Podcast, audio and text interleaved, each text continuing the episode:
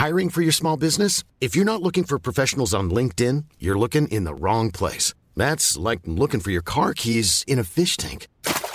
LinkedIn helps you hire professionals you can't find anywhere else, even those who aren't actively searching for a new job but might be open to the perfect role. In a given month, over 70% of LinkedIn users don't even visit other leading job sites. So start looking in the right place. With LinkedIn, you can hire professionals like a professional. Post your free job on linkedin.com slash people today.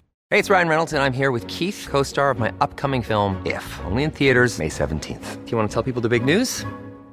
All right, I'll do it. Sign up now and you'll get unlimited for $15 a month in six months of Paramount Plus Essential Plan on us. Mintmobile.com slash switch. Upfront payment of $45 equivalent to $15 per month. Unlimited over 40 gigabytes per month. Face lower speeds. Videos at 480p. Active Mint customers by 531.24 get six months of Paramount Plus Essential Plan. Auto renews after six months. Offer ends May 31st, 2024. Separate Paramount Plus registration required. Terms and conditions apply if rated PG. Hey, it's Paige DeSorbo from Giggly Squad. High quality fashion without the price tag. Say hello to Quince. I'm snagging high-end essentials like cozy cashmere sweaters, sleek leather jackets, fine jewelry, and so much more. With Quince being 50 to 80% less than similar brands. And they partner with factories that prioritize safe, ethical, and responsible manufacturing. I love that. Luxury quality within reach. Go to quince.com slash style to get free shipping and 365-day returns on your next order. quince.com slash style. Vi är denna vecka sponsrade av Indie Beauty. Och Sofie, det här tycker jag är extra fint och extra roligt. Ja men Indie Beauty är ju ett skönhetsvarumärke som jag tror att väldigt många känner till, men det jag älskar mest det är att Indie Beauty liksom vill vara mer än bara produkter, vilket de ju också är. Exakt, Indie Beauty står ju för Independent Beauty, skönhet på dina villkor och för din egen skull.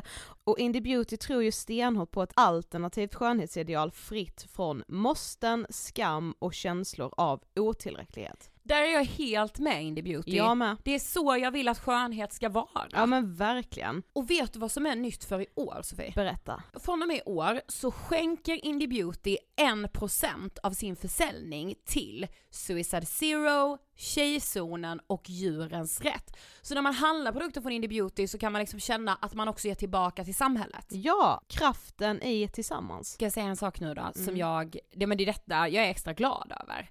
Nu har Indie Beauty tagit fram en keps och den tycker jag ändå så på sommaren, skyddar sig från solen. Jättebra, jag älskar kepsen. Men det bästa, de bidrar till Suicide Zeros viktiga arbete för att minska antalet självmord och självmordsförsök. Så för varje såld keps så går hela vinsten, 100 kronor, direkt till Suicide Zero. Då kan man liksom göra nytta både för samhället och sin hud på en och samma gång. Ja, och kepsen kostar 169 men alltså hela vinsten går då som sagt till Suicide Zero. Mm. Så om man vill göra skillnad när man är där ute i solen, nu när den börjar titta fram, då ska man välja den här kepsen. Den säljs exklusivt på indiebeauty.se och på Apotea. Tillsammans kan vi skapa en ljusare framtid. Vi ses med kepsarna på! Tack Indie Beauty. Vi är sponsrade av Mindler och som ni säkert vet sedan tidigare så är vi ju ute på psykologresan tillsammans. Men hur vet man egentligen när det är dags att söka hjälp? Ibland uppstår saker i livet som kommer utmana oss och kännas tufft. Det mesta självläker vi oss igenom, för vi är menade att ta oss igenom en viss mängd påfrestningar. Men ibland behöver man professionell hjälp för att ta sig ur jobbiga perioder i livet. Men vart går då gränsen? Vad är en del av livets skavighet och när är det läge att söka hjälp? Det sägs till exempel att stress är farligt, men att det också kan vara bra. Alla sover dåligt ibland, så när har man egentligen sömnproblem? Ångesten kommer väl krypande för de flesta någon gång. Så när ska man se ångesten som outhärdlig? Hur vet jag? Med oss som psykolog har vi såklart min gamla psykolog Linnea Seidbrant. Men Linnea, vad är egentligen utmattningssyndrom? Utmattningssyndrom är en konsekvens av svår och långvarig stress utan möjlighet till återhämtning. Vi är ju då skapta för att klara av stress, men vi behöver också återhämtning. Om du utsätts för för mycket stress under en lång period utan att du får till den nödvändiga återhämtningen så kommer kroppen till slut att säga ifrån. Och det är faktiskt så att alla har en gräns. Du kan drabbas av en rad fysiska eller psykiska besvär som trötthet, sömnproblem, hjärtklappning, besvär från magen och tarmarna och mycket annat. Och det här är ju då varningssignaler och tecken på att du kan behöva göra någonting åt din situation. Annars så kan besvären utvecklas till att du mår så dåligt på sikt att du blir psykiskt och fysiskt utmattad. Ladda ner Mindler till din telefon och läs mer på mindler.se.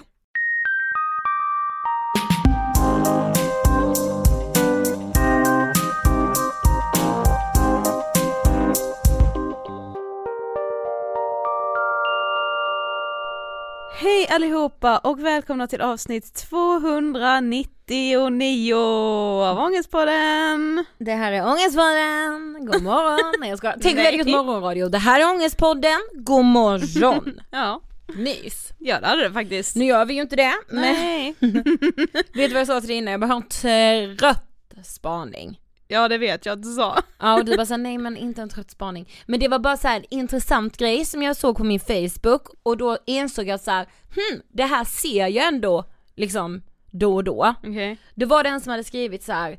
här kommer ett riktigt, riktigt gott lördagssnackstips. Jag var så sugen på någonting, då frös jag vindruvor. Det är dock gott. det är gott. Men jag fattar, du, du liksom, Nej men jag är ju aldrig sugen på något och då med något skulle jag mena frukt va? nej precis det är ju det du menar, du vill bara påpeka att så här, då, som att den personen har fryst in vindruvor för att man inte kan äta socker. Såklart. Mm. Men jag vill ändå bara säga att det är gott. Ja, okej. Det är också samma som, Men när du är sugen på något, blir du sugen på frukt eller? Nej, jag kan ju vara sugen på något och få ta det jag har hemma. Men du vet sen när man säger så bara, åh jag är verkligen sugen på något. Ja. Ja, Då menar jag alltid godis. ja, jag kan vara sugen på, alltså jag är nog aldrig sugen på frukt men det kan ju vara frukt som jag har hemma tar när jag blir det. sugen. Ja, nej då ger alltså- jag mig ut vet du så. ja, ja. nej men det det kanske en. man inte alltid pallar. Nej, Nej. nej men det, det var bara min spaning, alltså jag bara, ja. Men det Sänkt ribba för snack. ja, snack skulle jag inte kalla det, men det kan vara gott ändå. Mm.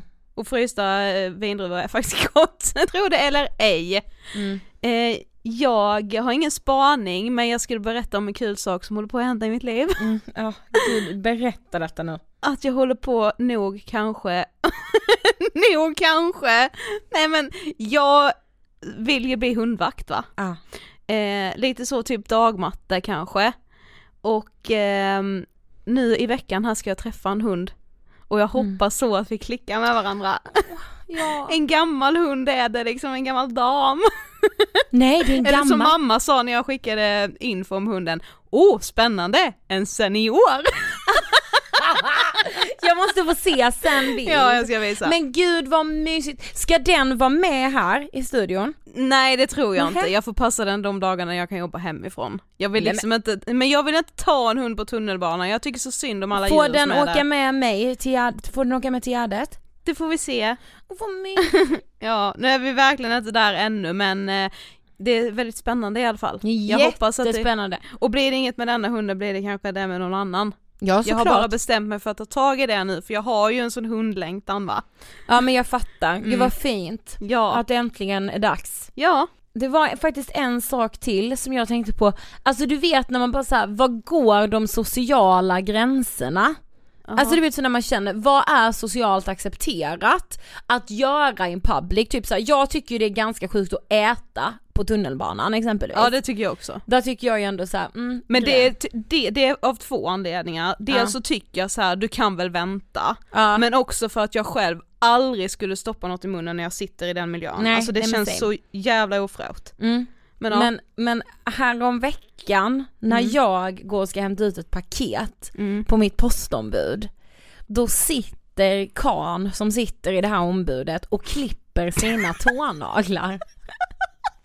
Och jag bara så här, nej men Ja, men det är sant. Ja det är absolut inte socialt acceptabelt, men det är ju också väldigt roligt. Ja. Alltså jag tycker ju att han som sitter där är asskön som gör det. Är han det?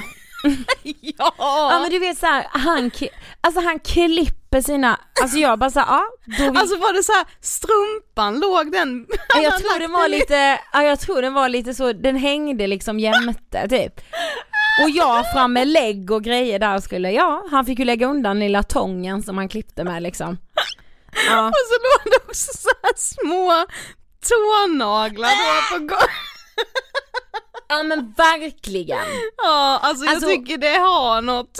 Men man blir ändå så här intresserad av vad är socialt acceptabelt. Det där är ju definitivt långt gånget över den gränsen. Ja, så är det verkligen.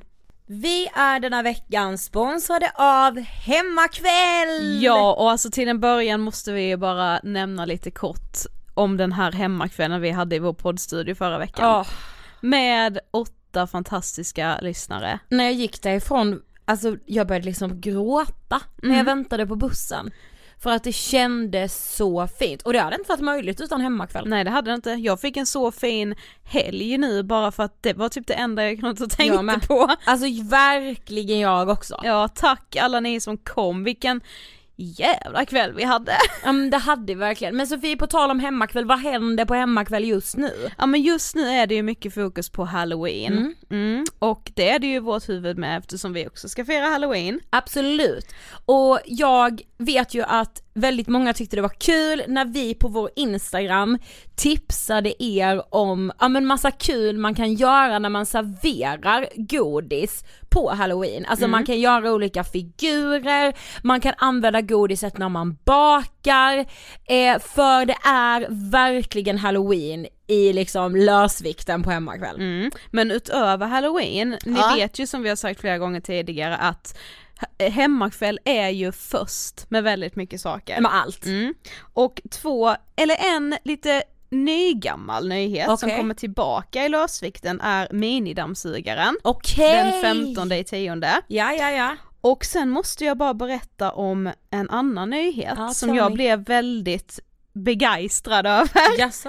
Eh, det är nämligen så att Ben Jerrys Ja. ska liksom släppas som godis fast alltså så utan glassen, tänk Ben Jerrys glassen fast utan glassen. Alltså kakbitar typ. Ja, precis. Om man då älskar cookie dough som jag. Precis, då kan du bara gå in på hemmakväll, köpa en cookie dough påse Nej men nu skämtar du. och gå, ta med dig den hem och ha en härlig hemmakväll. Nej men att man liksom får julafton hela tiden när man är så här nära hemmakväll som vi är. Mm. Och de, det är först på hemmakväll och hemmakväll är också ensam om den här nyheten väldigt länge.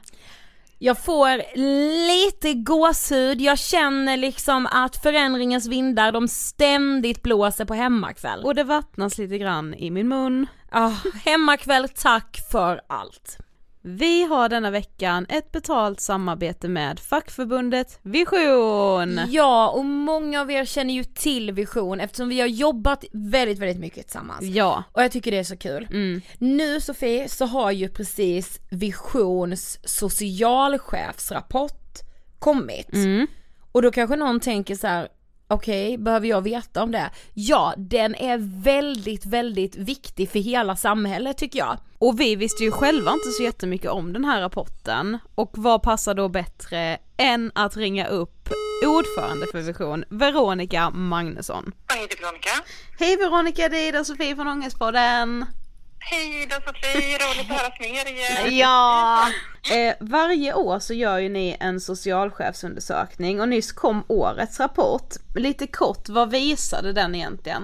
Eh, Vi ställer ju frågor till landets alla socialchefer eh, och i år så har det varit väldigt tydligt att många upplever att det är svårt att klara av uppdraget, alltså att ha ett bra socialt arbete inom de budgetramar som finns. Eh, Fyra av tio socialchefer säger att de, inte, att de har svårt att ge insatser som individen har rätt och behov av. Eh, och tre av tio säger att det är svårt att göra bedömningar och utredningar enligt de, de krav som lagen ställer. Eh, och allra tuffast säger man att det är att jobba uppsökande och förebyggande. Det säger eh, 59 procent.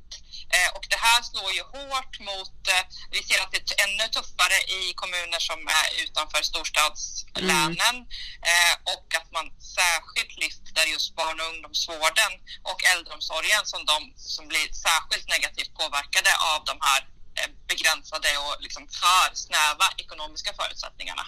Ja, ja, för det var lite vår nästa fråga. Liksom vilka blir egentligen drabbade av att socialtjänsten har för lite resurser? Men det är ju just de grupperna som, eh, dels barn och unga och äldre, men just de grupperna som kanske liksom skulle behöva stöd eller liksom är på väg in i någon problematik som man skulle behöva kunna fånga upp. Och eh, vi i Vision och ni i Ångestpodden har ju bland annat samarbetat just kring det här med mellan stolarna och att vi ser att det är väldigt många som liksom söker stöd eller på väg att söka stöd som inte riktigt får det. Man kanske upplever att man liksom blir skjutsad mellan olika instanser eller att det är svårt liksom att få insatser som är rätt eh, avvägda eller att man upplever att den man hör av sig till har för mycket att göra så det blir inte bra. Eh, och det här är ju, drabbar ju liksom främst och liksom väldigt allvarligt den som är i behov av stöd. Men det drabbar ju också medarbetarna inom Ja. socialtjänsten som ja, men man blir frustrerad, man känner att man inte kan ge det som man ser att människor borde ha rätt till och som skulle göra nytta. Och det gör ju också att man kan hamna i situationer där människor blir frustrerade på olika sätt. Både att man får tuffare problem men också kanske att man kan hamna i hotfulla situationer och sådär för att helt enkelt människor är frustrerade. Ja. Ja för ni skriver ju också i rapporten att det här i längden kan, faktiskt kan vara ett hot mot demokratin. På vilket sätt kan det vara det? Men vi har ju ett, ett samhällskontrakt som bygger på att vi ska hjälpas åt och att man behöver kunna känna tillit till att om jag hamnar i en tuff situation i livet då, då finns det någon där, då finns samhället där och kan ge mig stöd. Det kan vara ekonomiskt stöd men det är också stöd när det gäller vård och andra insatser.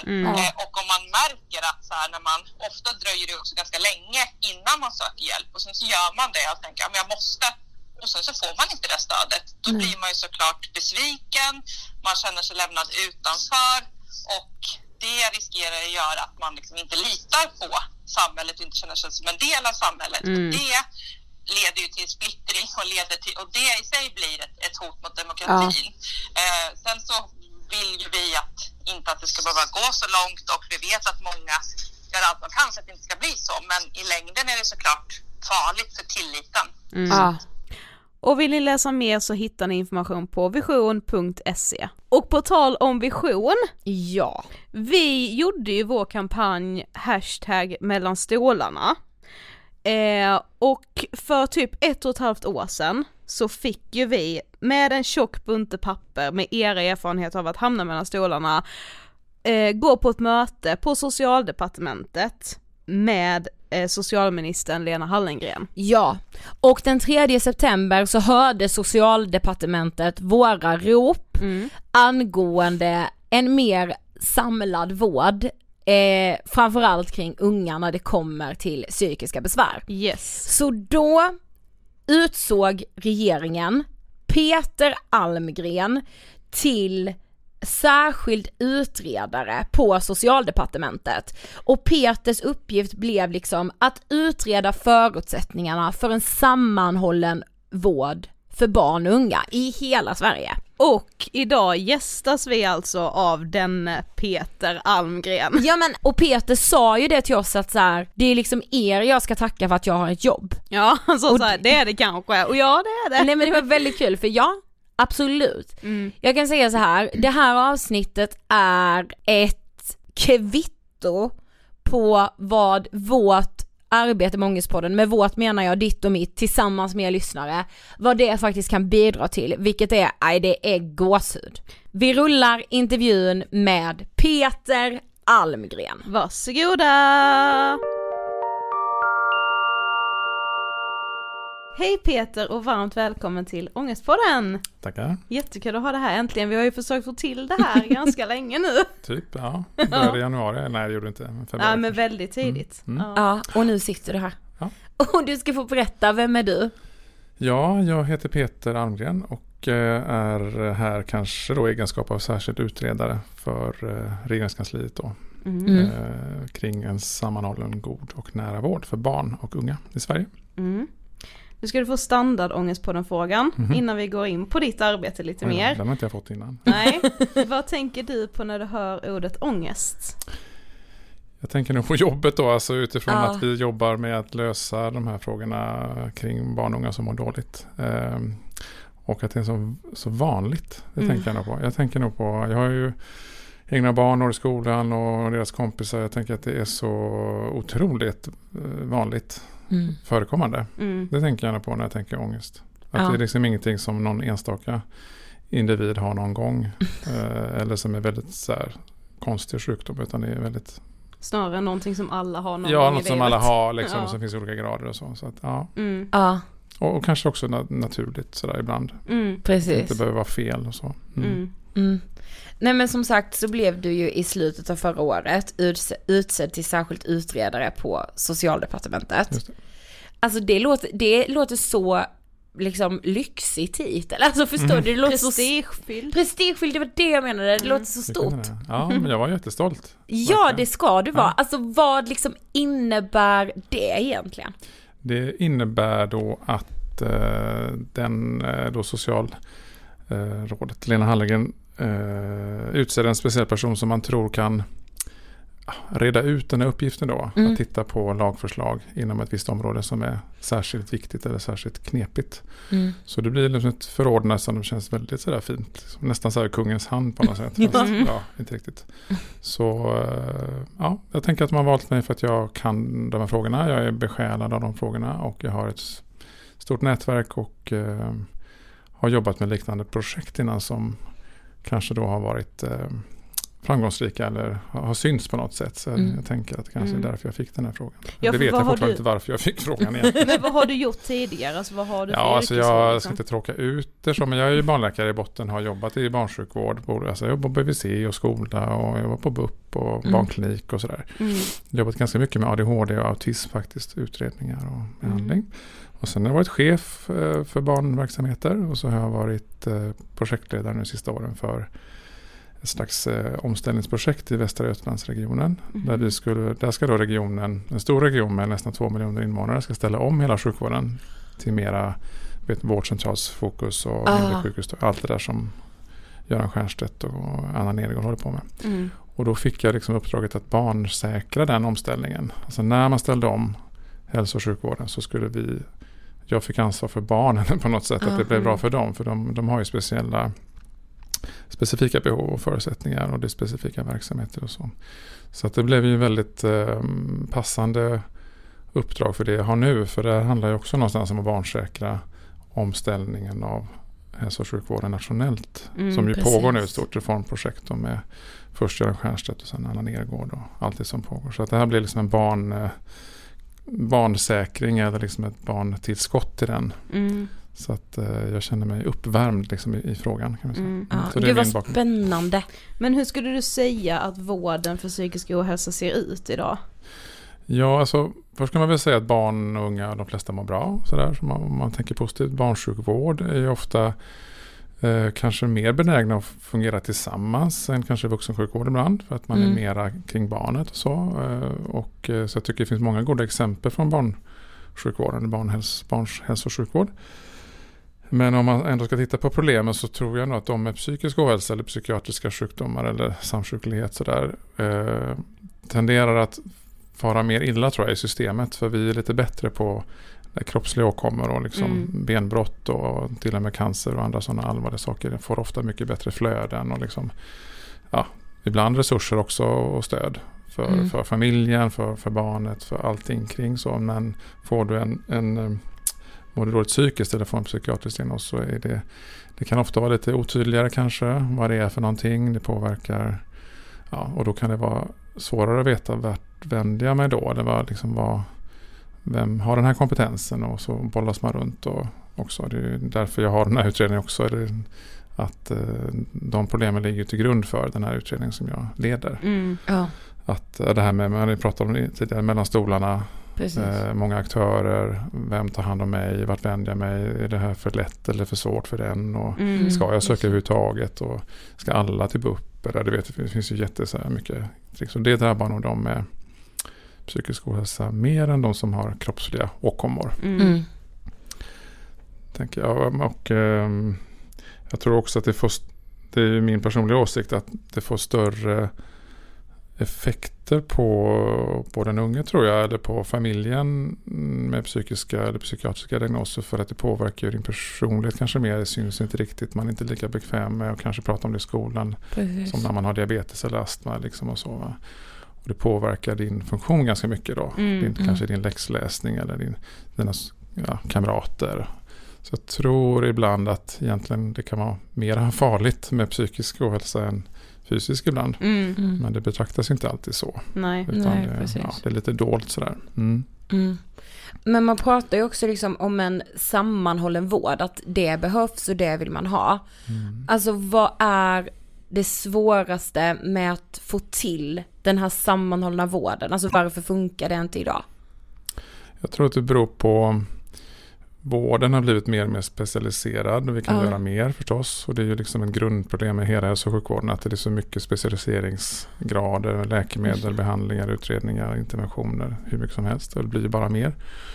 Och sen har det vuxit upp olika aktörer kring barn. Vi tittar på BVC, tittar på mödravård, tittar på ungdomsmottagningar, tittar på ja, vårdcentralen, elevhälsan.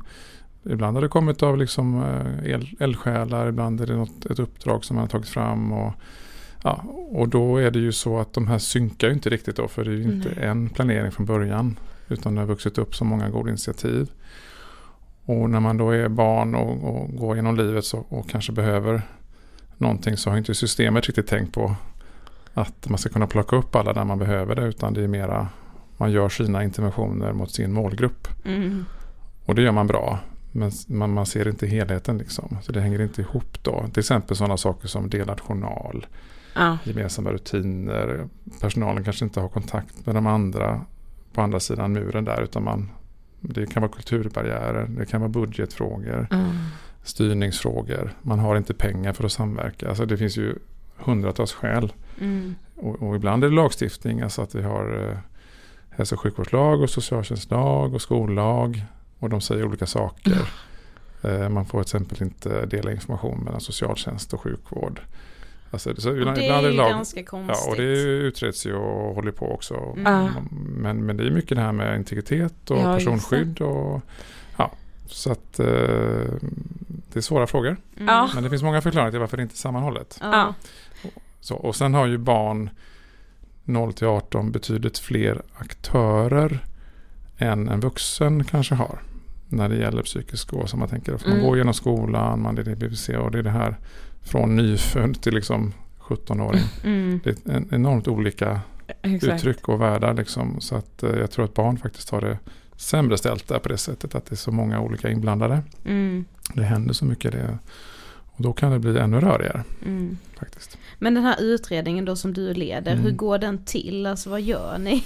Man gör ju på dagarna. ja, hur ser en vanlig dag ut? Jag önskar man hade hammare och spik och byggde ett hus. Men, nej, men Ja. någonstans är det väl så. Man får ett uppdrag. Det här fina uppdraget då. eh, 20 sidor text kring det här, det här eh, vill regeringen att eh, den särskilda utredaren ska göra.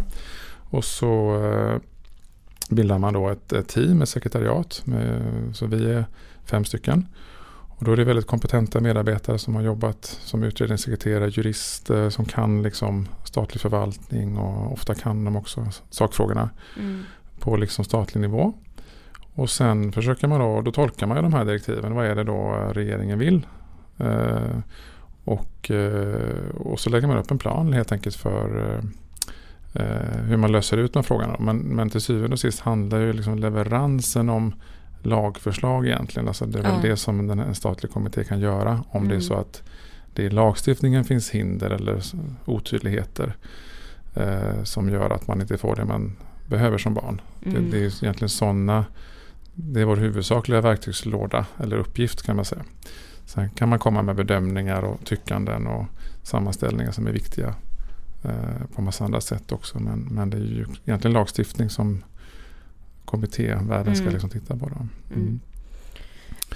Ja, och så lägger vi upp, nu pratar jag kanske mycket, men vi lägger upp en arbetslag. Man, man, man bygger upp jättemånga referensgrupper, man har expertgrupper, man kopplar upp sig liksom på hela Sverige nästan med Mm. sakkunniga och man bara försöker att träffa så mycket klokt folk som möjligt och få fram den här, liksom, både få fram en kunskapsmassa och sen då börja bygga liksom, hypoteser kring vad är bra vägar framåt och vad kan bli förslag och så. Och vi är lite grann mitt inne i den fasen. Ja, för hur har- länge liksom håller en sån här utredning Ja, det är lite olika men den här är då tidssatt till första maj nästa år i första delbetänkandet och oktober då slutbetänkandet.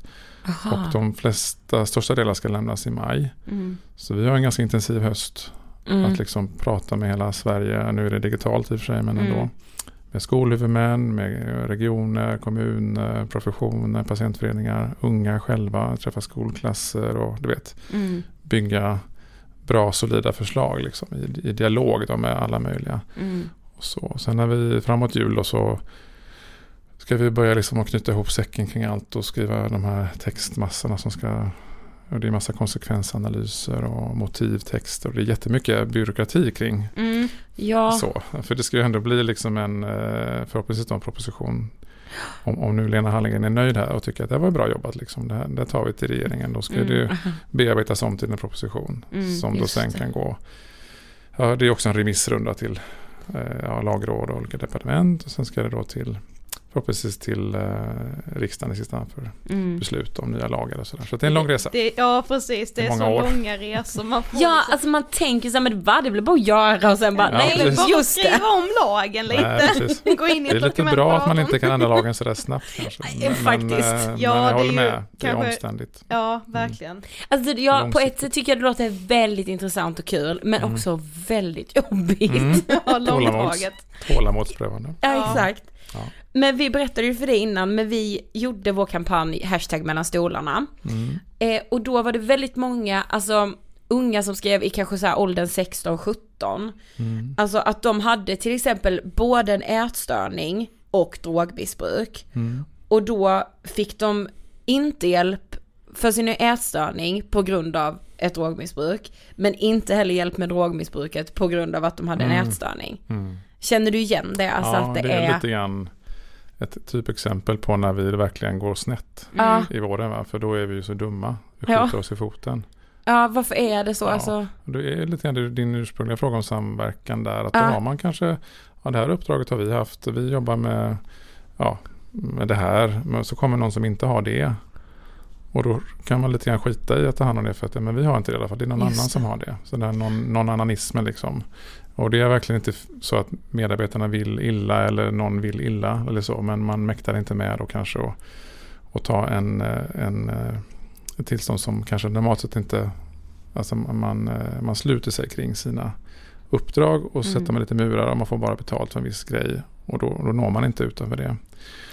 Och det är just den här samkyrkligheten. Nu är det en egen utredning som startar kring, kring just det. Med Anders Prins och det här med, med ri- missbruk. Och han kanske ska komma hit förresten. Mm. Ja, Mm. precis. Eh, men just med missbruk och psykisk ohälsa eller Mm. psykiatrisk. Som man, så att det är ju ett speciellt eh, fält. För där har vi ju socialtjänsten som är Exakt. en stark aktör och sjukvården och där finns det nog glapp helt klart idag. Mm. Mm. Och det är det som är så konstigt för många gånger går ju Alltså det man söker för hos socialtjänsten går ju väldigt många gånger hand i hand med saker man också söker för hos sjukvården. Så egentligen är det så konstigt att Mm. de två instanserna inte samverkar mer. Nej, och det, det har ju vi i våra direktiv delvis även vi har mer fokus, på- eller egentligen hälso och sjukvårdsfokus, så Mm. blir ju för barn och unga, tittar man på deras behov så är socialtjänsten en väldigt viktig aktör. Mm. Mm. Inte bara för de kanske svårt sjuka utan för många andra också, familjecentraler och Mm. råd och stöd och föräldrastöd, alltså verkligen. Men då plötsligt är det andra verksamheter, det är annan huvudman, det är annan lagstiftning. Ja. Men i en drömvärld skulle man ju bara bunt, alltså, bunta ihop dem och ha en, samma. en styrning och en Mm. Fokus kring barnet, liksom en enkelhet i. Ja. Ja, men nu gör vi en barnplan här liksom kring Mm. insatser. Ja, vi pratar med varandra, vi delar information, vi har samma mål. Enkelt liksom. Mm, men, men det blir ju allt annat än det idag då. Mm. Mm. Men har man någon uppfattning om hur många som liksom faller mellan stolarna? Det finns väl ingen som har exakta siffror på exakt hur många, men jag skulle... Vi gjorde data på det i Västra Götalandsregionen där vi såg att 20% hade kroniska tillstånd och många Mm. vårdkontakter ungefär. Så jag sk- jag skulle kunna, och det stämmer med det internationella data, så jag skulle tänka mig att kanske en femtedel av barn och unga har olika typer av långvariga tillstånd som kräver en del olika insatser från olika håll, både Mm. psykiatriska och kroppsliga tillstånd. Och en hel del av dem har flera diagnoser samtidigt och så. Eh, sen har vi det här när man pratar lindrig psykisk ohälsa och en väg, Ja. en väg in och så. Det kan ju vara nog så jobbigt. Mm. Och man undrar, får jag söka för det här? Liksom, finns Just det någon eller ska jag träffa en psykolog eller vem ska jag prata med? Så. Och där finns det också, det är nog en ganska stor eh, mängd. Mm. så att säga. Men ehm, så att jag skulle absolut säga att det är en, en eh, även om de flesta mår bra så Mm. tror jag att det är en stor del som eh, lider lite grann av det här, eh, de här glappen. Mm. Eh, men det finns ingen exakt siffra. Nej. Och man kan lida olika, för jag tänker det, det som du nämnde här, Mm. det blir ju fruktansvärt. Alltså, Precis. för då har man ju två riktigt så att säga, allvarliga tillstånd Ja. Mm. som är livshotande. Precis. Och då blir det liksom en ytterände och sen har vi när man du har mild ångest och du har lite Ja. olika hu- huvudvärksproblem och du går inte riktigt upp i vikt eller du liksom oroar dig och man söker i vården överallt. Så där, då, det, då lider man ju också. Man kanske inte Exakt. kan koncentrera sig i skolan om man tycker det är jobbigt och så. Men, men man är inte så här dödssjuk då. Nej. Nej. Men våran hypotes, eller som vi arbetar från, det är ju det att börja tidigt och mota tidigt.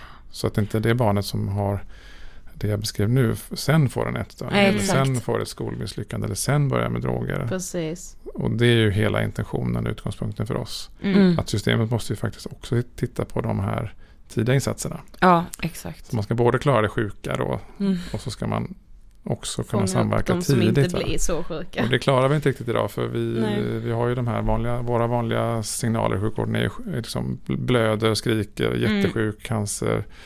Då brukar det slå igång det här akutsystemet så att säga. Mm. Men de här tidiga signalerna på då blir det mycket otydligare. Vem, Mm. ja, vem, vem går in nu då? Liksom? Ja. Hur kan vi få ersättning för det här? Eller vem styr? Så det, men, men jag skulle tro att ändå um, de allra, allra flesta är nog ganska överens att man, man vill bryta det mot tidiga samordnade insatser. För att man fattar ju det att både för individen, och för familjen och för samhället så är det ju så mycket vinster med det. Exakt. Precis. Det finns ju all forskning och allting. Ja, Så att precis. det är väl inte... Det är väl ändå bra att man är överens om det. Ja, det är en bra målbild. Det är en bra Ja. målbild. Ja, precis.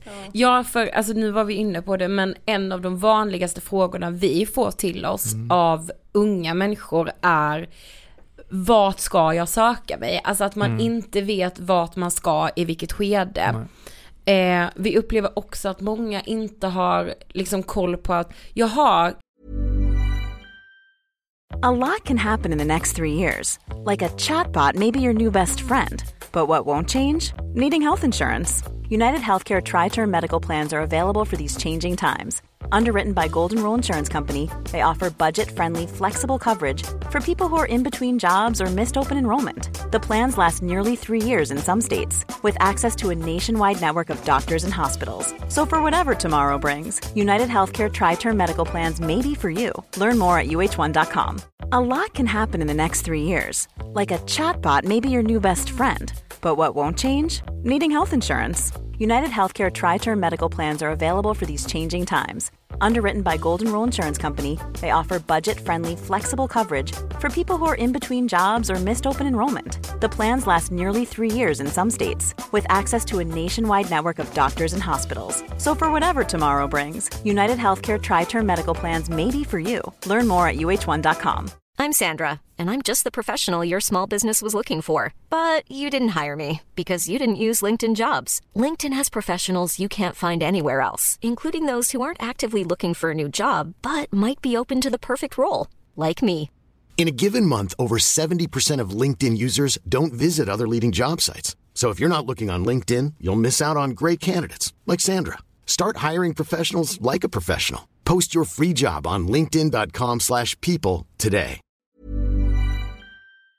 Jag kan alltså söka mig med, med min ångest till ungdomsmottagningen. Mm. Jag trodde bara det var p-piller jag kunde Mm. få där. Alltså, Mm. eh, hur ser du på det? Alltså märker du med att det finns en okunskap idag om vart man ens kan vända sig? Ja, absolut. Och det får vi vittnesmål i olika rapporter. Jag vet att Mm. Totilia gjorde någon Mm. sån gallup också. Ja, kring det. Var precis. en väldigt stark majoritet av unga som eh, Precis det där. Eh, Ja. När får man söka vård? Eller behöver jag söka Ja. vård? Och vart vänder jag mig? Och, och det är ju verkligen och det skiljer sig också runt om hela Sverige förstås vad det finns Ja. för aktörer. För någonstans kanske det är BUP som har liksom har någon verksamhet som möter. Ibland är det barnmedicin, ibland är det en ungdomsmottagning, ibland är det någon tredje variant eller första linjeverksamhet. Mm. En skolprojekt. Alltså hur ska man veta vad gäller där jag bor? Alltså, så, så att, ehm, och det kan ju inte komma på någon annan än, än vårdgivarna egentligen. Att, att samla sig kring vad, vad är liksom det erbjudandet som finns här i, det här i den här regionen, den här Ja. kommunen. Det måste ju på något sätt huvudmännen ansvara för. Och att det blir en tydlighet och en väg in då.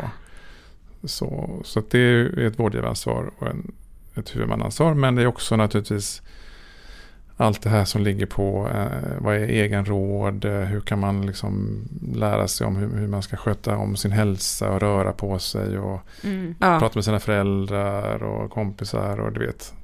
Allt, Allt det här ja. som är egenvård och egen Precis. styrka och normal livskunskap och var får man Mm. det någonstans? Mm. Vården kan ju inte liksom ge allt det där heller. Och vad kan man lägga på skolan när det gäller Mm. att man kan ha, i- ha sådana inslag i undervisningen. De ska ju göra jättemycket. Läroplanen innehåller ju massa saker som man ska. Mm. Men, men det finns mycket sånt på väldigt basnivå som, som unga verkar vilsna idag. Mm. Faktiskt. Mm. Så jag håller med dig. Mm. Då, mm. Men hur ser barn och ungdomspsykiatrin ut idag? Ja, det har, det hänt ganska mycket. Överhuvudtaget i psykiatrin har ju hänt otroligt mycket om man tittar Mm. på 50-årsperiod. Mm. Ni vet de här gamla institutionerna Ja. som fanns. Och eh, när det gäller barnpsykiatrin så har jag pratat mycket med de olika företrädarna nu under våren. Och eh, Mm. det är tydligt att det har hänt mycket där. För man har kanske gått från en Dels var det färre barn som så att säga, sökte för psykisk ohälsa kanske och, och man hade nog någon slags eh, säger, egen rätt eller man, man tog nog allt som hade barn och psykisk hälsa för Ja, Mm. inom precis. barnpsykiatrin.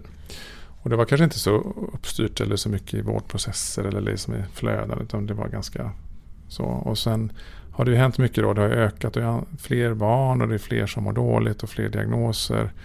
Och det har liksom svämmat över nästan. Och då har ju barnpsykiatrin jobbat väldigt aktivt i sina led med att liksom försöka hantera det här då. Man har jobbat med, ni vet, med kömiljarden och Mm. Öppna jämförelser och vad är vårt uppdrag egentligen. Och man har ju kommit ganska långt i det nu tycker jag. Man är Mm. ganska tydlig med att vi ska, vi ska vara lite sista utposten, vi ska vara en specialistnivå, vi ska ha liksom ett tydligt så säga, kvalitetsfokus på Mm. de diagnoser som ska vara här. Då. Ja, just det. Och sen har man naturligtvis också tillsammans med alltså vårdcentral och skolor, hel- hela den här liksom samhällsdiskussionen då. Vad kan andra göra för att, så att säga, jag tycker inte om det där avlasta BUP för det låter som att det är fokus på BUP och inte på barnen. Men, Ja. men någonstans i de här, det har vi också i våra direktiv att titta på eh, hur man kan få bort köerna till BUP. Mm. ja, precis. Genom att andra gör någonting. Ja, genom att Mm. då man är insatser tidigt och Mm. på vårdcentralen eller i skolan och så. Så att det jobbar väl också barnpsykiatrin mycket med att försöka hur, hur kan man hitta ett omhändertagande av, av fler grupper liksom på vårdcentralen eller i Mm. elevhälsan eller ja, på andra ställen. Då. Och då tänker jag att då blir det ju, och det är nog en, det är ju en, en process som redan pågår för det får ju Mm. vårdcentralerna, det har ju varit deras lite lott och öde under många decennier att Ja. ta mer och mer av liksom det som tidigare gjordes på sjukhus. Mm. Mm. Det, och och de, det, man tycker lite synd om för de har inte fått de resurstillskotten. Liksom. Nej. Nej. Och det är rätt knivigt uppdrag att lösa ut allt det här då. Och då ehm, blir det rätt trixigt om man ska fortsätta lägga över nya patientgrupper. Så då måste man Ja, också, dels måste de ju resursstärkas och det handlar ju hela omställningen om. Mm. Att, att ge mera resurser och muskler till den nära vården då. Mm. Ja. Men jag, jag tänker också en utgångspunkt för mig eller för oss i vår utredning handlar om att specialistvården då inte bara BUP utan även eh, an, annan specialistvård som barnmedicin och habilitering behöver komma närmare och vara mer stöttande och, och närvarande liksom i den nära vården. Att det kan ju Mm. vara konsultationsmodeller, eller digitala lösningar, tillgänglighetsprojekt Mm. Just det. för att handleda. Ja. Och då kan man sköta mycket mer saker på vårdcentralen. För Ja. att jag tror att som, som barn och familj vill man gärna gå till sin vårdcentral och man kan Ja. få det där. Eh, vårdcentralen vill gärna ha 0 till 100 och ha familjen och göra mycket. Men man vill inte lämna det utan stöd från specialisterna. Nej. Så, så att det, där, ja, det här är precis det. De här momentum som vi Mm. försöker liksom att ja, re, reda, ja, Ja. precis, genom bra förslag. Mm. Ja. Ja, för man upplever, alltså idag kan jag uppleva, i alla fall när vi är ute och träffar alltså föräldrar mycket, Mm. att de också tänker att ah, men det är så lång kö till BUP och Mm. nu har min dotter börjat krångla med maten, Mm. men hon kanske inte ska till BUP Nej. om hon precis har alltså det ska ju en annan instans fånga upp. Men att där är det återigen att så här, man Mm. vet inte vart man ska, så man tänker att ja men då är det väl BUP Mm. om det För börjar BUP har man alltid Ja, hört. det är Ja. väldigt välkänt. Man, ja, verkligen, ja, känner verkligen. till det så Ja. otroligt Ja. väl. Det har ju Eh. varit mycket projekt och satsningar kring BUP också. Så att, men Ja. psykisk ohälsa och framförallt kanske barn då har ju varit mycket fokus och väldigt Mm. mycket satsningar. Så det kanske, Det finns kanske- i folks... eh, Precis, Ja, det precis. sig Det det man- finns i medvetandet. Det är ju bra på ett sätt men, men alltså, de kan inte hantera allt. Nej. och det, ju, och det, blir också, det finns ju också ett grundproblem att vi medikaliserar och vi psykologiserar. Det, det tycker jag man kan vara ganska säker på. Mm. Så att ibland är det inte så himla bra att komma in på en specialistklinik. Det kan ju gälla kroppslig sjukdom också. Man kan bli överdiagnostiserad Ja. och få massa onödiga mediciner Mm. och, Ja. och röntgenundersökningar. Så det vet ju. Så att det generella ska ju skötas av av generalister och Mm. vårdcentralen är jätteduktig på det. Exakt. Och triagera och så. Men det behöver finnas en lärande närvaro liksom Mm. från det kan inte vara två helt vattentäta verksamheter. Precis. Så, så jag tror kan man samsas kring liksom en bra eh, nivå liksom och ja, vattendelare, tidigt omhändertagande. Mm. Där ändå eh, vårdcentralen gör huvudparten. Och sen att specialistnivån liksom snabbt tar an när det börjar sjunka lite och bli tyngre och så. Du vet att det kan bli så det här flödet fram och tillbaka. Mm. Eh, så att det inte blir sådär statiskt liksom. Mm. Två separata burkar som bara gör sin grej. Liksom. Nej, Nej, precis. Så, ja. Ja, ja, jag tycker det är så ja. Det är intressant. spännande. och, det, ja, och det är verkligen så här, alltså om det bara hade fungerat känns Mm. det som att det hade underlättat så enormt för alla inblandade. Det finns otroligt mycket om man säger, resurser då att Ja. vinna på det om man nu ska vara lite krass. Precis. Så tror, jag tror fortfarande, nu kanske jag får skit för detta, men jag tänker fortfarande att det finns det finns tillräckligt med, med medarbetare i vården och, och resurser och eh, professionella personer, goda vuxna för att liksom hantera den här ohälsan som vi har. Mm. Ja. Men vi, vi blir väldigt ineffektiva och vi skapar mycket liksom lidande, inte minst i en kösituation Ja, eller liksom en, en utebliven insats eller vad som helst. Mm.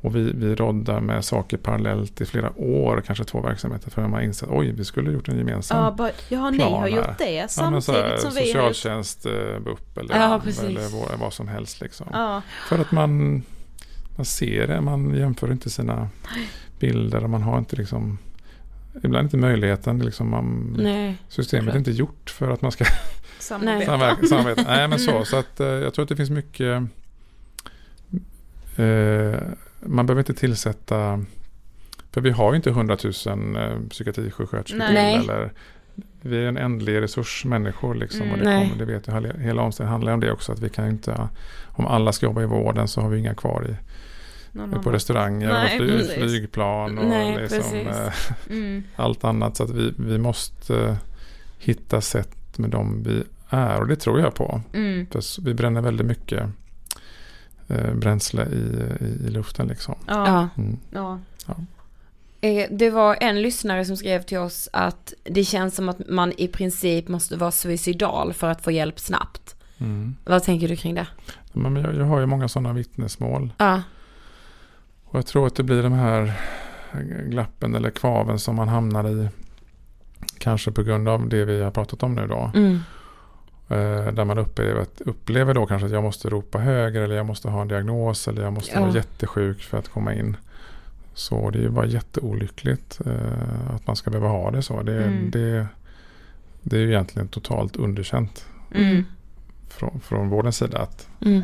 att någon ska ens behöva liksom känna så. ja ver- verkligen. Eller hur? Men, men eh, som sagt, alla sliter på och jobbar och, gör, och det finns så mycket goda intentioner och goda insatser. Men, men det är ett trögt system som ofta blir, lämnar de här glappen.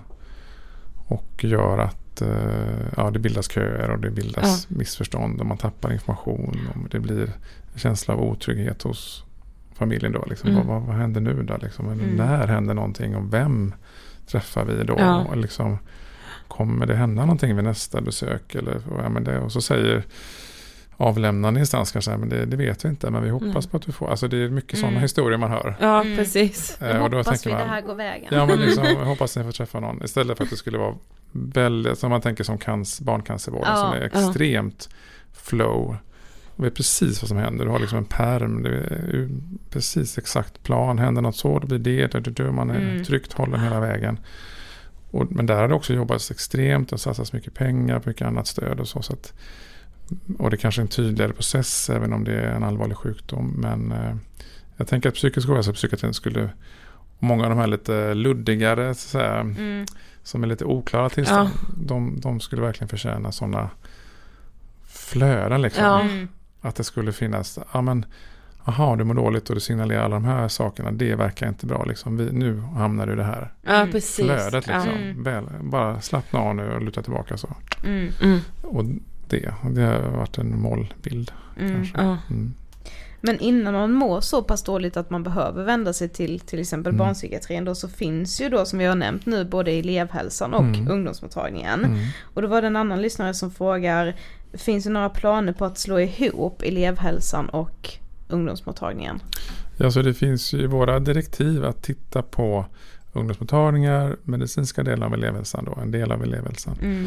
Vårdcentralen, barnavårdscentralen, mödravård. Som, som, eh, kan de enas under en hatt eller skulle de ha samma eh, huvudman som, som man säger då? Alltså Mm. Att det liksom är en organisation eller är det liksom, så att det finns ju liksom i våra direktiv att, att utreda det och titta på för och nackdelar kring. Mm. Och så, så det är en av de sakerna som vi både utreder själva och pratar med skolrepresentanter och ungdomsmottagningsrepresentanter och så kring. Ehm, Men vad skulle det innebära då om Ja. man faktiskt slår ihop dem? Nej, att slå ihop, jag tror att om man tänker fördelen med att det är mera tillsammans är ju att man då kan dela information och Mm, man har samma kanske mål och, och man kanske delar kompetens och, och eh, uppdrag och budget och det är lättare att styra en sån verksamhet så att säga. Och man kan se här, det här, hur det hakar ihop bättre då. Mm. Det blir, man, tapp, man missar, alltså de här överlämningarna som sker, som, som, där det missas ofta idag mellan till exempel BVC och skola. Mm. Mm. Eh, skulle man ju slippa då kanske för då hängde det Ja. ihop mer så. så eh, men samtidigt så finns ju nackdelar också med stora organisationer. Liksom. Mm. Varför måste det bli bättre av det? Och skolorna är enskilda, alltså de är jättemånga, det är stora små skolor. Det. Det finns inte ungdomsmottagningar överallt. Alltså det, det är Mm. ganska spretigt också. Mm. Så det är inte så lätt att bara baka ihop någonting sådär. Nej. Nej. Men, men att den frågan ska utredas, det är tydligt för oss att hur kan man få de här aktörerna som finns kring barn och unga att bli mer sammanhållna, liksom samlade, samordnade, enkla, effektiva liksom, Ja. verksamheter. Och, och så. Så att det, och det tittar vi på ur massa olika aspekter. Mm. Ja. Så. Ja, vi jobbade också ganska mycket med inför valet 2018. Mm. Så gjorde vi en, nu pratar jag om alla kampanjer vi har Ja. gjort, skryta lite. Ja, Nej, då gjorde vi en kampanj som heter Var är min kurator? Just Mm. för att liksom belysa elevhälsan. Mm. Och att den i många, många gånger brister. Mm. Eh, och då hade vi som ett förslag att införa liksom hälsosamtal som alltså just syftar till den psykiska hälsan. Mm. Man har ju pratat om det här screening för psykisk hälsa. Ja. Eh, är det någonting ni har liksom haft uppe på bordet så att säga? Ja, man har ju hälsosamtal Ja. i eh, skolan. Men ofta är det mäta, väga. Ja, precis. Ja, Jag tror absolut att man skulle behöva bli, eh, för de är ju lagstiftade och, och Precis. ska liksom göras. Och eh, jag tror absolut att eh, det är väl en av de saker vi tittar på också kring alltså innehållet i de insatser som man, som man ger till barn 0 till 18 när det gäller Ja. hälsofrämjande och förebyggande insatser som ges vid BVC eller i skolan. Så om man kunde samla dem i någon form av komma överens om vad, vad är det för utposter och, och eh, ja, hälsobesök eller Precis. kontroller eller så som man, som man skulle erbjuda alla barn. Mm. Och då borde det också finnas en helt annan stringens. Ja, precis som du gör en språkbedömning vid två och ett halvt års ålder på BVC. Att har du ett utfall, yes, då ska du liksom vidare och se vad är det här. mm. Och att man kanske skulle ha samma Mm. ett hälsobesök. Att det, att det fanns en annan stringens och konsensus på alla Sveriges skolor. Vid det här besöket så ska det här liksom checkas av och Mm. är det fel där då ska det vidare. Alltså så. Mm. Och det har vi inte idag för det finns Nej. ju väldigt olika riktlinjer och utföranden och bemanning och, eh, Ja. ja. och sen finns det olika mottagande från regionerna också när det gäller om man hittar någonting i skolan då. Mm. Det kan ju gälla allting från eh, synnedsättning till Ja. eh, ryggar eller vad som helst. Att det I Gävleborg och, och Skåne ser det helt olika ut vem som tar hand om det då. Och det gör ju skolan frustrerad också. Ja, det är klart.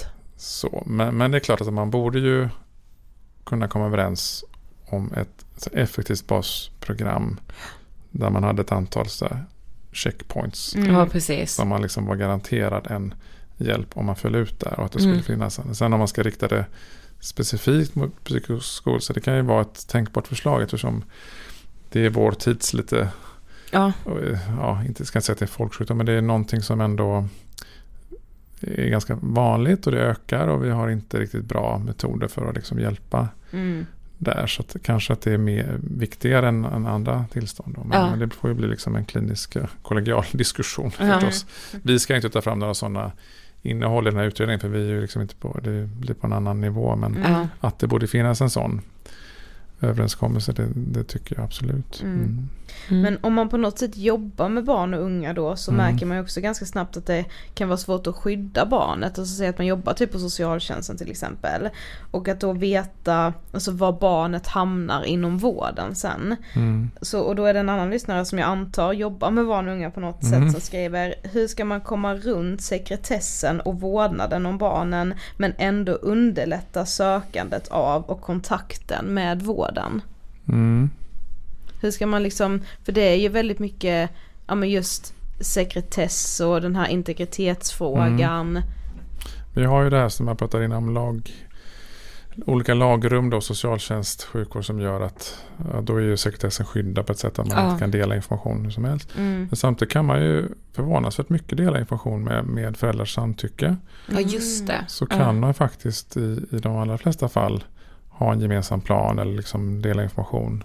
Så att det finns färre laghinder kanske än vad man tror. Mm. Och då kan det vara mera hinder i form av kult- kulturella eller olika verksamheter eller att man inte har samma journalsystem eller du vet att man inte hinner prata med varandra eller man hinner, alltså man hinner inte göra de här SIP, så här plan Mm.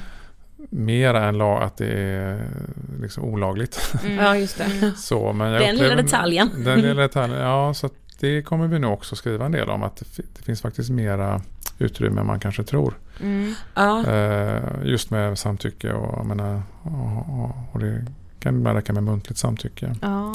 Mm. Så, Men det krävs ju såklart ändå att föräldrarna samtycker, inte bara barn. Alltså, Nej, men så är det. Så, Ja. och föräldrabalken är ju ändå tydlig när det gäller just det. att man har ett ansvar för, för barnet. Eller, men Mm. nu- de här frågorna tittar vi, eller ska vi också titta på när det gäller integritet och autonomi. Mm. När jag tänker på ungdomsmottagningar och så. När, när kan jag söka vård själv och när kan jag Mm. Måste jag berätta för mamma och pappa och hur gammal ska jag vara då? Ja. Och det finns jättemycket sådana praktiska exempel på när man hamnar i diket som ung just för att man inte får mobilt bank-id. Eller du vet, man kan inte logga in på en sån tjänst för att du är för ung. ja, just Alltså, det. det händer ju hela tiden att barn diskrimineras just för att man är barn. Just det. Mm. Eh, Så, och det där är ju jättesvårlöst för det här med autonomi och liksom, det är ju glidande Mm.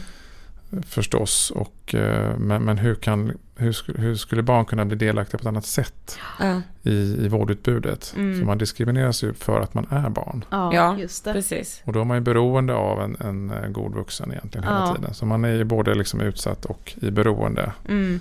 Så, och det, det är frågor som ligger- det är en utgångspunkt också för vår utredning. att Därför finns det en barnutredning för att man också behöver det finns särskilda förutsättningar här som gör Mm. att man kan inte bara lägga en vuxen mall i Nej. vården. Nej, jag har inte ens tänkt på Inte jag heller. Nej men så är det. Det kan ju vara en digital lösning till exempel. Så vi Precis.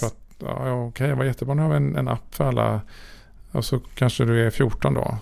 Då kan du inte logga in där eller Nej. digitalt väntrum för du har inte bank-id. Nej.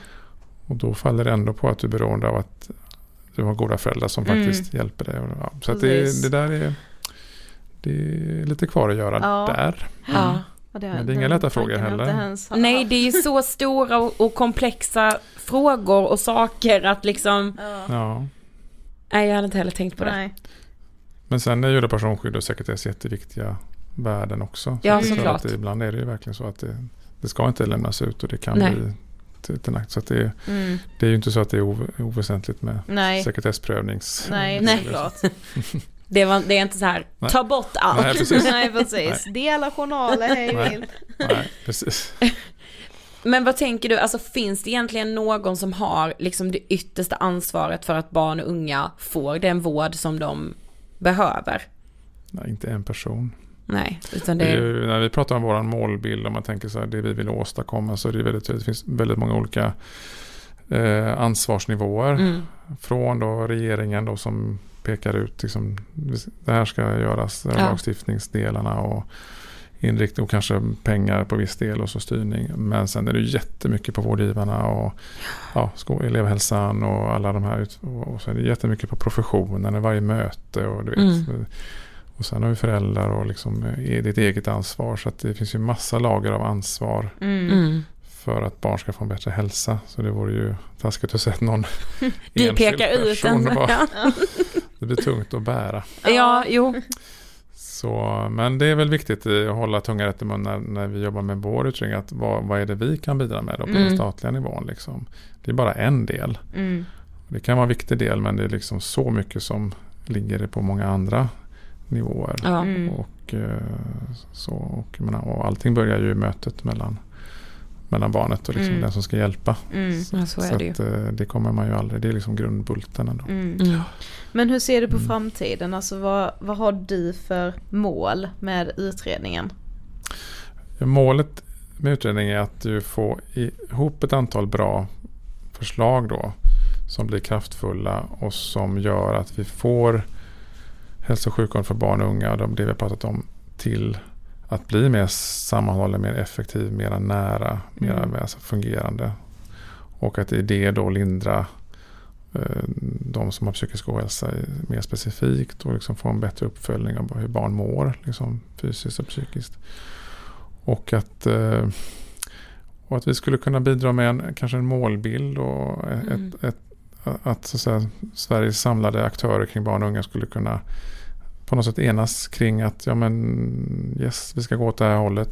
Tidiga samordningsinsatser. Vi ska börja med barnen, liksom våran, våran devis. Eh, Vi ska planera våran vård så att barn får det de behöver. Vi ska se till att vi ställer upp på det här basprogrammet. Som vi, Mm. alltså du vet, det finns många saker. så att Det vore fantastiskt om, om det blev en rörelse åt det hållet. Mm. där Ja. man faktiskt eh, satte kanske andra saker lite åt sidan. Så fokuserar man på, på barnen, tidiga insatser samordnat och så liksom fortsätter man den resan då. Mm. Och så kan Mm. vi göra en del med våra lag, kanske lagförslag och ta bort en del hinder och, och, peka en del riktningar och sådär. Så att då skulle jag vara nöjd Mm. om vi Mm. hade startat någonting då. Som Mm.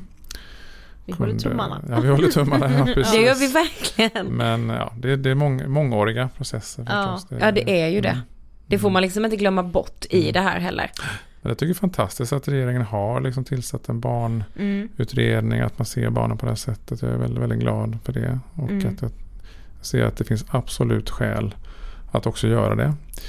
Eh, inte för att barn är helt annorlunda än vuxna eller att det något, ska vara något helt annat system eller så. Men just de här sakerna med specifika behov, vissa förutsättningar med beroende och skydd och vissa speciella aktörer och man har det här liksom 0 till 18. Det händer så otroligt mycket där. Mm. Och att får man den där hjälpen i rätt tid så kan alltså ett helt liv kan ju vara räddat. Liksom. Ja, men så är det ju. Eh, Det, det har så otroligt långa det är så långt tidsperspektiv för Ja. ett barn, eller hur? Alltså vi, Jo, jo. allt behöver inte bli så långt, men må- många saker kan ju faktiskt nästan förstöra ett liv. Alltså, Mm, då, exakt. Som man kunde faktiskt ha hindrat. Med en liten, liten skillnad. Ja, men alltså Mm. det där, och det är ju särskilt för barnen. Så jag är väldigt glad att det finns Mm. ett barnfokus. Och vi ska göra vårt allra bästa för att, Mm. Ja. för att rå hem detta. Mm. ja. Okej, då ska du få sista frågan. Mm. Och den är bara så här allmänt i stort. Vad inspirerar dig? Jag är ju besjälad av de här frågorna kring barn, att lyssna på barn, att, att jag vet inte riktigt, jag, jag är nog sån som förälder, jobbar som barnläkare, jag tycker att det är, jag blir nästan så lite tårögd kring liksom när, om, man liksom kan göra barns röster höra på riktigt, att man liksom kan Mm. respektfullt lyssna på, på någon, en ung eller ett, ett barn, det kan vara litet eller stort. Det, det tror jag liksom är det som jag går igång på. Mm. Så, men, men nu gör jag det en väldigt ja, stor kontext Ja. just nu. Så, säga, som kanske det är svårt att se det enskilda barnet framför sig, det jag jobbar med nu. Mm. Men jag tror ändå att det är det som jag fortfarande besjälas av. Ja. Mm. Och då har jag jobbat med det liksom från mitt eget föräldraskap till massa olika ja, undersköterska och läkare här och var och sen chef och så projektledare och så nu det här. Så jag känner att jag har liksom, Gjort allt. jag håller på med samma, det är ju samma hjärtefråga. någonstans. Precis. Ja. Precis. Så att på det sättet så, mm, ja. Mm. Tack så jättemycket för att Mm. du ville gästa Ångestpodden och Ja. lycka till med den här utredningen nu. ja. Jättestort tack. Tack. Jättekul att vara här. Ja, man förstår ju, alltså ibland du vet kan man känna så här, bara, vad är det som tar sån jäkla tid? Det är Mm, väl jag bara att vet. skriva om lagar och stifta nya regler och jada jada, men man förstår ju också när man får prata med en sån som Peter att saker och ting tar tid för att man måste samla in data, man måste analysera datan och det tar tid, men det är för att det ska ske Alltså det är för att det ska bli ordentligt gjort. Men han var så jävla sympatisk och snäll och jag bara kände så här, gud han kändes så himla intelligent och proffsig. Mm. Jag vet inte, jag tyckte det kändes tryggt att just Peter har blivit utsedd till den här utredaren. Tack så jättemycket Peter för att du ville gästa Ångestpodden och tack för det jobb du just nu är mitt uppe i. Eh, och lycka till med det. Ja men Sofie, alltså jag tänker ändå att för de som lyssnar som har varit med oss länge, som har hjälpt oss dela saker eller trycka på när det kommer till liksom att förändra. Ja eller alla ni som skickade in era erfarenheter Ja. till oss om att hamna mellan stolarna, alltså vi fick så mycket berättelser skickade till oss. Vi sträckte ju även ut en hand till Peter efter avsnittet och sa att om det är så att ni behöver någon mer hjälp, då är vi villiga att hjälpa till. Absolut, tillsammans med er då, givetvis. Ja, gud ja. Mm. Nästa vecka firar vi 300 avsnitt. Kan Ja. du liksom ta in? Nej, det kan jag faktiskt inte. Helt sjukt är det. Eftersom det känns som att vi nyss firade 200 och bara, Mm, mm. vänta har vi gjort 100 avsnitt till efter det? Alltså det kan jag inte fatta. Nej. Det är sjukt. Men det känns bra att vi har släppt just det här avsnittet precis innan. Mm, Alltså såhär, vilket superinformativt avsnitt. mm. En liten milstolpe. Ja, varsågoda. Mm. Då hörs vi som vanligt nästa vecka. Det gör vi, tack så mycket! Hej då!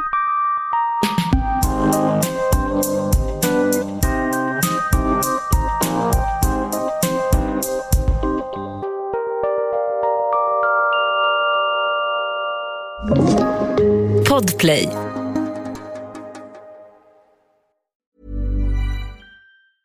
Planning for your next trip? Elevate your travel style with Quince. Quince has all the jet setting essentials you'll want for your next getaway, like European linen, premium luggage options, buttery soft Italian leather bags, and so much more. And is all priced at 50 to 80% less than similar brands. Plus, Quince only works with factories that use safe and ethical manufacturing practices. Pack your bags with high-quality essentials you'll be wearing for vacations to come with Quince. Go to quince.com slash pack for free shipping and 365-day returns. Mom deserves the best, and there's no better place to shop for Mother's Day than Whole Foods Market. They're your destination for unbeatable savings, from premium gifts to show-stopping flowers and irresistible desserts. Start by saving 33% with Prime on all body care and candles. Then get a 15-stem bunch of tulips for just $9.99 each with Prime. Round out Mom's menu with festive rosé, irresistible berry chantilly cake, and more special treats. Come celebrate Mother's Day at Whole Foods Market. Planning for your next trip? Elevate your travel style with Quince. Quince has all the jet setting essentials you'll want for your next getaway, like European linen, premium luggage options, buttery soft Italian leather bags, and so much more. And is all priced at 50 to 80% less than similar brands. Plus, Quince only works with factories that use safe and ethical manufacturing practices. Pack your bags with high-quality essentials you'll be wearing for vacations to come with Quince. Go to quince.com slash pack for free shipping and 365-day returns.